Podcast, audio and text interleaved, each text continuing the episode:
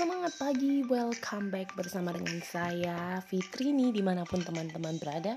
Doa yang terbaik untuk teman-teman dan hari ini Fitri mau berbagi tips bagaimana kita bisa mempersiapkan diri dengan baik uh, di saat kita harus diminta untuk melakukan presentasi berbicara di depan.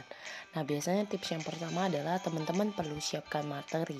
Karena kalau kitanya hanya bergantung dengan materi yang sudah ada, kita tidak improve sendiri, kita tidak membuatnya sendiri, maka kita akan bingung. Lebih bagus membuat materi sendiri yang lebih kita kuasai sehingga jauh lebih mudah untuk kita bawakan.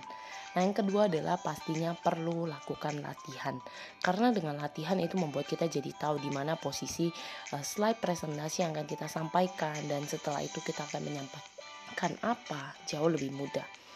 Dan yang ketiga adalah kita perlu untuk percaya diri. Ingat kita nggak bisa selalu menyenangkan orang ya. Jadi mau audiens yang hadir dan sebagainya selalu akan ada feedback baik yang positif dan negatif. Jadi percaya diri aja dengan kemampuan di diri kita. Gak peduli siapa yang datang. Intinya jadi diri sendiri dan stage is yours. Jadi ingat yang pertama adalah persiapkan materi. Yang kedua perlu latihan. Dan yang ketiga ingat adalah perlu confidence atau percaya diri.